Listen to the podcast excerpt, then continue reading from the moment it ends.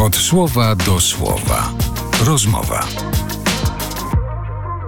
O książkach oczywiście rozmawiać będziemy, jak zawsze w magazynie Od Słowa do Słowa. Dziś propozycje dla nieco młodszych czytelników, a z nami w programie pani Iwona Haberny z agencji promocyjnej OKO i z Fundacji Bukowy Dom, która jest również organizatorką Festiwalu Literatury Dziecięcej w Rabce Zdroju. Pani Iwona dzisiaj przyszła do nas ze sporą ilością książek dla młodszych czytelników, ale nie byle jakich książek, bo są to pozycje najnowsze i nagrodzone na różnych festiwalach czy w różnych konkursach. I o tym dziś nieco więcej opowiemy.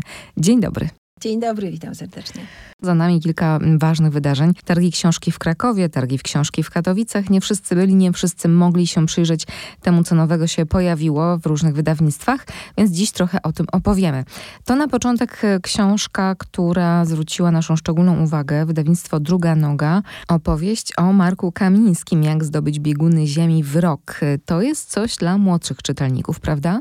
To jest dla młodszych, ale nie dla tych całkiem małych. Marek Kamiński, Jak zdobyć bieguny ziemi w rok. Książka niezwykła. Wspomniała Pani o targach książki w Krakowie, w Katowicach. Ja tę książkę przywiozłam, przytuliłam do siebie mocno po targach we Frankfurcie. Dlaczego? Otóż ta książka, nasza polska książka przetłumaczona na język niemiecki, znalazła się w finale jednej z najważniejszych niemieckich nagród literackich, to jest Jugendliteraturpreis. Książka została nagrodzona i za to, że jest świetny tekst autorstwa Agaty Lot Ignaciuk i absolutnie genialna grafika Bartłomieja Ignaciuka. Więc książka jest dobra literacko, dobra graficznie, ale to, co w niej jest cudowne i dlaczego chcę o niej mówić, to jest również oddziaływanie na młodych ludzi.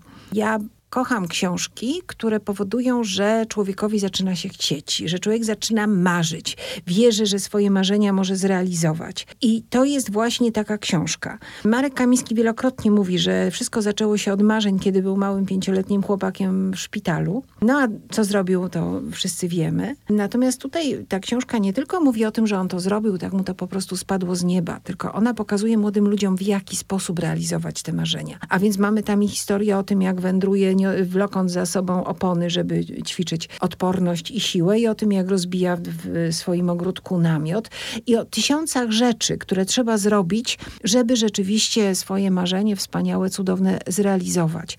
Także to jest taka książka, która wiele rzeczy w sobie skupia i kapitalne przesłanie i to, że jest pięknie napisana i absolutnie genialnie graficznie zrobiona. No i jeszcze, proszę Państwa, międzynarodowa, naprawdę bardzo poważna kariera. No i proszę jeszcze powiedzieć o tej drugiej książce, która jest chyba z tej samej serii, prawda? Jest z tego samego wydawnictwa. To już nie jest opowieść o Marku Kamińskim, ale o innym podróżniku, jakim był Aleksander Doba. To jest taka fajna seria wydawnictwa Druga Noga, małe wydawnictwo. Kochamy takie małe wydawnictwa robione z pasją, robione przez ludzi, którzy uwielbiają to, co robią. Oprócz książki Marka Kamińskiego, jak już ją kupicie, przeczytacie mhm. wspólnie z młodymi ludźmi, bo to jest i dla młodych, i dla ich rodziców, bo w końcu rodzice też mają prawo marzyć. W podobnej szacie graficznej Doba na oceanie, czyli jak przepłynąć Atlantyk kajakiem. Ten sam duet to napisał, również wspaniały bohater.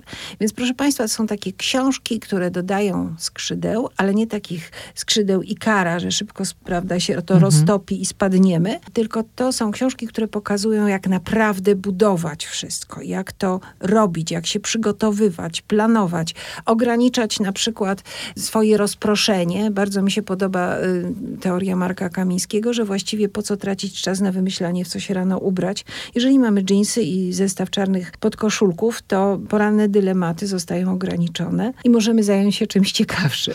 I to jest też trochę odpowiedź na to, co teraz takie jest bardzo modne. Wspomniała Pani o, tym realizowaniu marzeń, że z wielu stron bombardują nas takimi informacjami. Możesz wszystko, nie ma ograniczeń, tak? E, sky is the limit. Jeżeli ktoś bardzo, bardzo chce, to osiągnie. No ale, no właśnie, same chęci nie wystarczają, tak? I w tych książkach znajdziemy odpowiedź, jak do tych marzeń dojść i że ta ciężka praca też jest to wpisana. Tak, i tu jest to uczciwie napisane.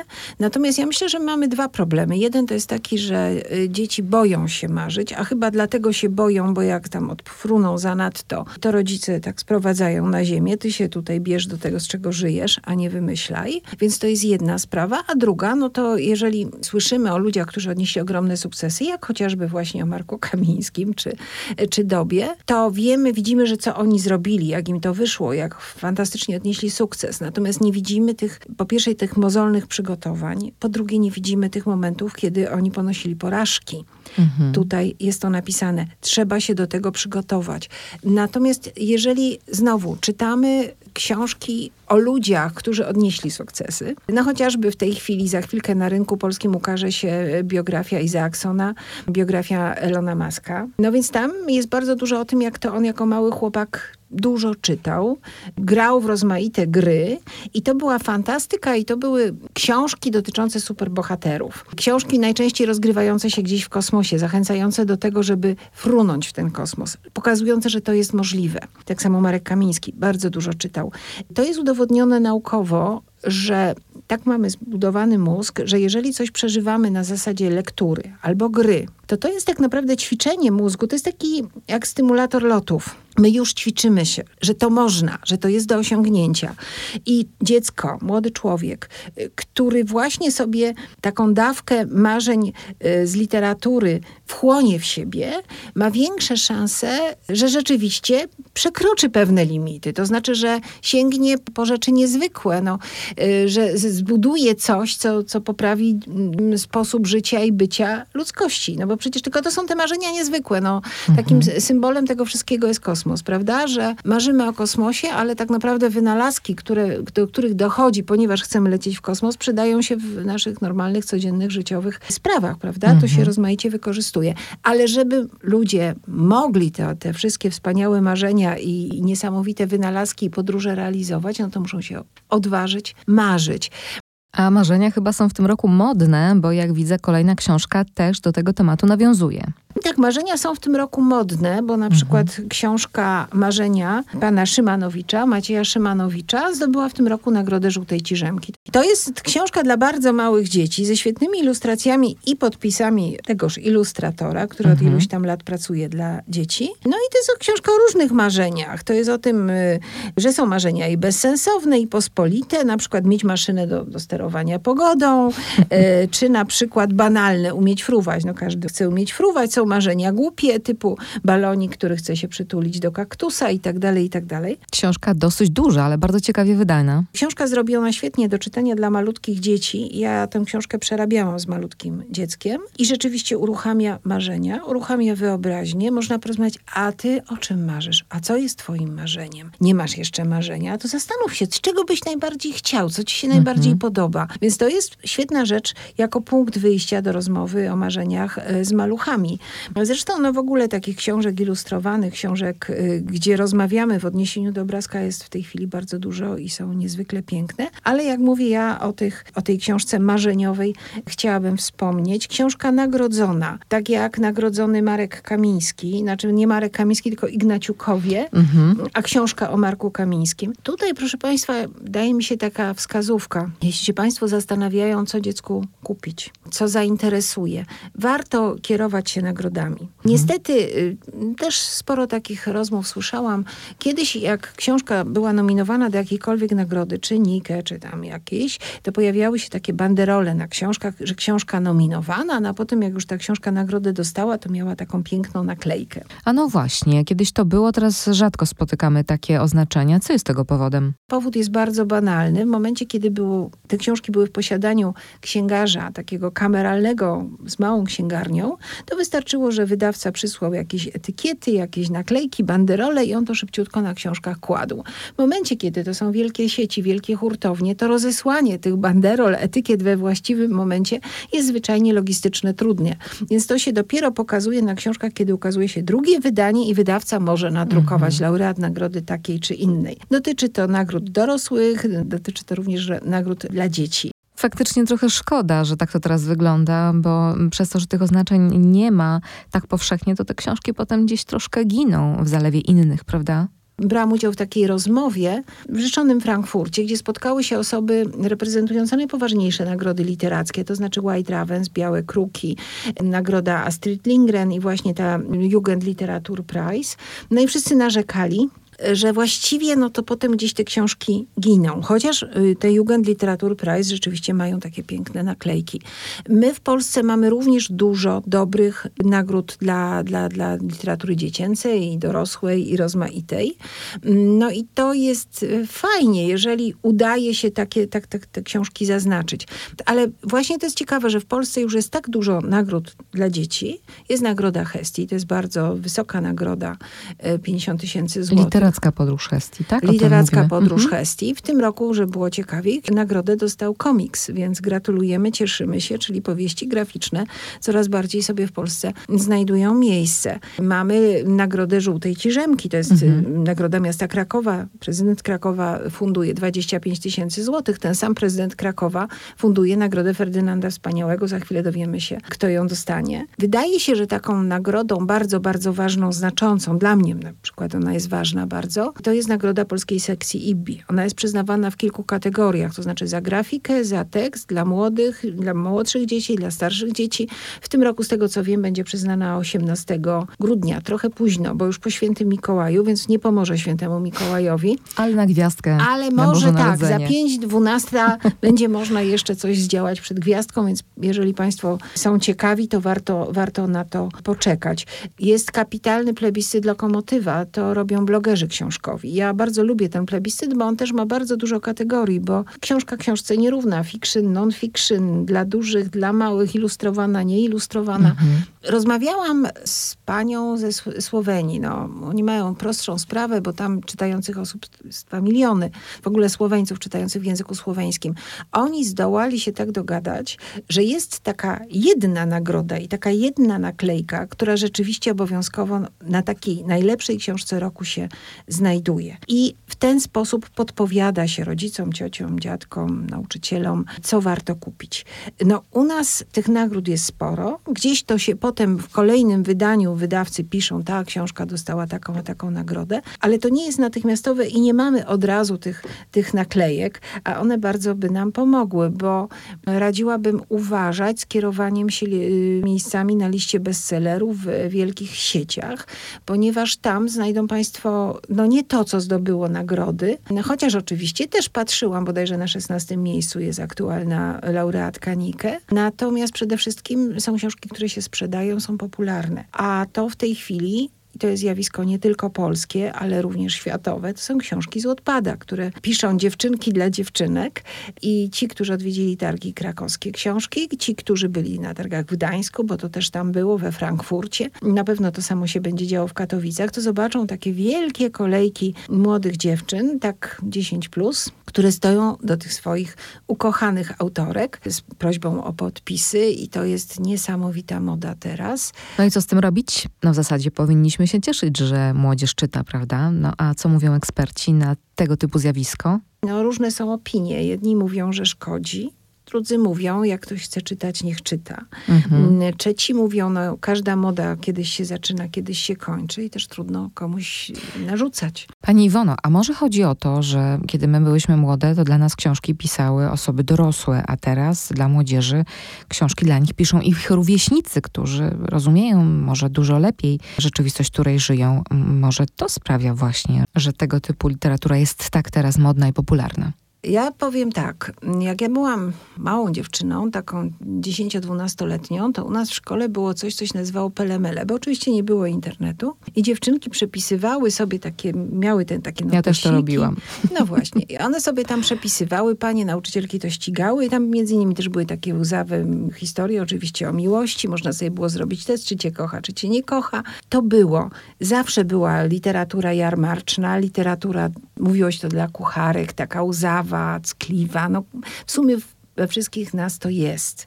Więc skoro się pojawiła możliwość techniczna, no to trudno się dziwić, że, że to jest i że to funkcjonuje. Faktycznie dorośli piszą, dorośli oceniają, dorośli polecają, A pytanie, gdzie są wtedy dzieci i gdzie, o czym one myślą, o czym one marzą. A już najgorzej jest, jeżeli, zresztą o tym do, dobrze dorośli pisarze wiedzą, że nie daj Boże, jak zaczyna pisarz używać modnych słów młodzieżowych, momentalnie młodzież wyłapuje fałsz. I oczywiście to już, to już dawno to słowo przestało być modne i stało się obciachowe, prawda? Więc to są takie trudne rzeczy. Ale mnie się tak wydaje, że tak jak było Pelemele i wyrastało się z Pelemele, to tak jest ten typ literatury. Pewnie on sobie tam będzie jakoś żył, natomiast dobra literatura się obroni. Nie możemy też powiedzieć, że jeżeli dorośli piszą dla dzieci, to piszą dobrze. No nie, no są osoby, które piszą cokolwiek, no, no tak się wydaje, to będzie tak łatwo napisać książkę dla dzieci. No i tam piszą, no, kotka spotkał, no to fru, piszemy książkę o kotku, prawda? Mhm. To nie jest tak. W literaturze dziecięcej, w literaturze młodzieżowej też są książki wybitne, świetne. I to są książki, wszyscy o nich wiemy i znamy. To są książki, które przetrwają mimo upływu czasu. I to są książki, które czytają z, fajnie, z zainteresowaniem i młodzi ludzie, i, i ich rodzice. I nie ma tam mm, takiego infantylnego stosunku do dziecka, takiego upupiania dziecka. Więc mnie się wydaje, że wszystkie takie mody typu łotpa, to jest moda, to jest ciekawe tak poobserwować. Pytanie, co te dziewczyny y, potem złapią. No ale był czas na przykład, że bardzo modne były harlekiny. I mamusie czytały te harlekiny. No więc czytały, czytały, przestały. Bo teraz już tego jest znacznie mniej. Mhm. Pytanie, czy od czytania tego, ale to już jest dobrze, bo się ćwiczy składanie słów, składanie liter, y, rozumienie tekstu. No bo żeby zrozumieć nawet taką książkę, no to trzeba to poskładać, więc nie popada się we wtórny analfabetyzm. To to już jest Więc dobrze. nie jest tak najgorzej. Jest ten odruch brania książki do mm, ręki. No właśnie, no a jeżeli już chcemy wziąć tą dobrą książkę i jeszcze myślimy w kontekście dzieci i młodzieży, to co jeszcze dzisiaj mogłoby nam pani polecić? Mamy już trzy tytuły, ale w tym zestawie, który pani przyniosła jeszcze nam coś zostało. Co polecamy? Ja tutaj mam książkę autorki, która pewnie już jest dobrze znana, no bo w ogóle Szwedzi, szwedzcy pisarze piszący dla dzieci są w Polsce bardzo modni, lubiani. Dlaczego? Ja myślę, że tam jest więcej wolności, więcej luzu. Kiedyś dla nas to było szokujące, teraz już y, no, na przykład był niejaki Tsaciki, który, który miał tatusia w Grecji, żył z mamusią w Szwecji, no i tak sobie podróżował i, i sobie żyli, byli bardzo szczęśliwi. Autorką, która jest bardzo w Polsce lubiana, jest Osa Lind. To jest autorka, która e, znana jest przede wszystkim z książki o Piaskowym Wilku. To jest taka książka o marzeniach. A ja trzymam w rękach książkę Ekspedycja Eliki Thompson. Książka jest taka niby zwykła, to znaczy dziewczynka e, ma napisać książkę o wielkich odkryciach i o wielkich odkrywcach i mówi, cóż mnie obchodzą jacyś nieżywi wielcy odkrywcy. No, był Kolumb, ale umarł. I dlaczego ja mam pisać na jego temat e, wypracowanie? I nasza Elika pod wpływem sąsiada który jej tu podpowiedział takie rozwiązanie, postanowiła zorganizować własną ekspedycję. Ekspedycja prowadzi przez poszczególne mieszkania własnego bloku w którym ona mieszka i poznaje swoich sąsiadów, obserwuje, opisuje. No i dziewczynka, która dla której pisanie o, o, o Kolumbie było udręką. Zresztą właściwie można to zrozumieć. No. To jest odtwarzanie jednak historii, może ciekawej, ale jednak ona nagle sama zaczyna realizować mhm. własną ekspedycję. Okazuje się to niezwykle ciekawe i, i, twórcze i fajne. Myślę, że tym, którzy kochają Oselind i Piaskowego Wilka, za bardzo nie trzeba tego polecać. No ale ja jednak to zrobię. Po prostu jest to książka o tym, weź swój los w swoje ręce. Nie musisz na kolanach podziwiać tych, których ci każą podziwiać, albo sobie ich możesz podziwiać, ale jeżeli cię to nie interesuje, to naprawdę możesz sobie odpuścić, a zacznij tworzyć, rozejrzyj się wokół siebie, zobacz ten świat bliżej siebie. Tak jak rozmawiałyśmy o Marku Kamińskim, mm. o Aleksandrze Dobie, ludzie, którzy coś przedsięwzięli. Może ta Elika Thompson, która na dzień dobry postanowiła poznać sąsiadów i opisać ich historię, podjęła taką ekspedycję. Nie wiadomo jeszcze dokąd dojdzie i co jej się wydarzy. Przypomnijmy raz jeszcze, chodzi o książkę. Osalind, ekspedycja Eliki Thompson, wydawnictwo Zakamarki. I jeszcze jedna pozycja na koniec i znowu książka nagrodzona. E, jeżeli mówimy o książkach nagrodzonych i tak szukamy, prawda, kto nam tu podpowie, a ci jurorzy naprawdę te książki czytają i zapewniam, że na ostatniej prostej to już naprawdę, to nie przeglądają, tylko czytają. Taką bardzo cenioną nagrodą i z dużymi tradycjami jest nagroda Koziołka Matołka. Ona jest przyznawana przez Bibliotekę w Oświęcimiu, też znakomitą i taką jedną z czołowych bibliotek w Polsce. Otóż w tym roku Koziołka Matołka dostał pan Krzysztof Zapotoczny za książkę Kot Marian i Odwiedzacze. książka o kocie, o niezwykłym kocie, to, to już dla wielu osób jest y, odpowiednia zachęta, żeby, żeby po książkę sięgnąć. Z tym, że ten kot jest dziwny, wredny, mówi. I właśnie z tym kotem spotkał się y, Baltazar. Chłopak około 10-12 lat, więc dla takich to młodych ludzi jest. Książka pełna przygód, książka śmieszna, książka z przybrużeniem oka, dobrze napisana. Myślę, że dla młodego człowieka i to, żeby było, to mi się wydaje ważne, nie tylko dla dziewczynki, ponieważ przyjmuje się, że książki to czytają dziewczynki, to jest książka również dla chłopaka. Więc to jest fajna, fajna rozrywka na powiedzmy jeden albo dwa albo trzy wieczory. Serdecznie polecam. Krzysztof Zapotoczny, Kot Marian i Wydawnictwo Dwukropek, Nagroda Koziołka Matołka. Nie wiem, czy mogę sobie pozwolić na to pytanie na koniec, ale taką maleńką zajawkę, Pani Iwono, tego, co Pani szukuje poza książką, bo w przyszłym roku, albo nawet jeszcze w tym, będzie gra planszowa, prawda? Na podstawie Pana Tadeusza. Postanowiliśmy zrobić grę planszową Robak w oparciu o Pana Tadeusza. Przedsięwzięcie jest szalone i jest no, takie zuchwałe wręcz, no ale byłoby bardziej zuchwałe, gdyby nie to, że tam towarzyszą mnie i zespołowi panowie profesorowie Uniwersytetu Jagiellońskiego, pan Bukowiec, pan profesor Bukowiec, pan profesor Majkowski, groznawca. Mamy cudowną graficzkę panią Anię Pałosz, która w tamtym roku za ballady i romanse które cudownie zilustrowała, dostała nagrodę Stowarzyszenia Twórców Grafiki Użytkowej. Wygrała w kategorii Idea. Świetnie zilustrowana idea. No więc teraz y, ilustrujemy, opisujemy i grywalizujemy pana Tadeusza. W przyszłym roku obchodzimy 190. rocznicę ukazania się epopei.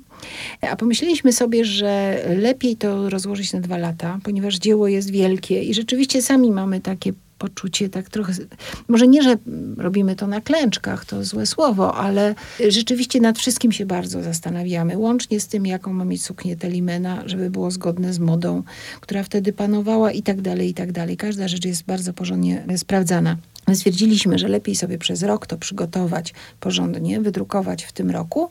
No a w przyszłym roku objawimy światu naszego robaka, no i będzie duża akcja promocyjna ogólnopolska. Wszystkich bardzo serdecznie zachęcam. Trzymajcie za nas kciuki, bo to jest naprawdę zuchwałe przedsięwzięcie. W takim razie trzymamy kciuki i jak już będzie czas ku temu, by móc o tym opowiedzieć więcej, to wtedy zapraszam na kolejną rozmowę, na kolejne spotkanie w magazynie Od Słowa do Słowa w RMF Classic. Bardzo dziękuję pani Iwona Haberny z agencji promocyjnej OKO i Fundacji Bukowy Dom. Była naszym gościem. Dziękuję. Od Słowa do Słowa. Magazyn literacki RMF Classic.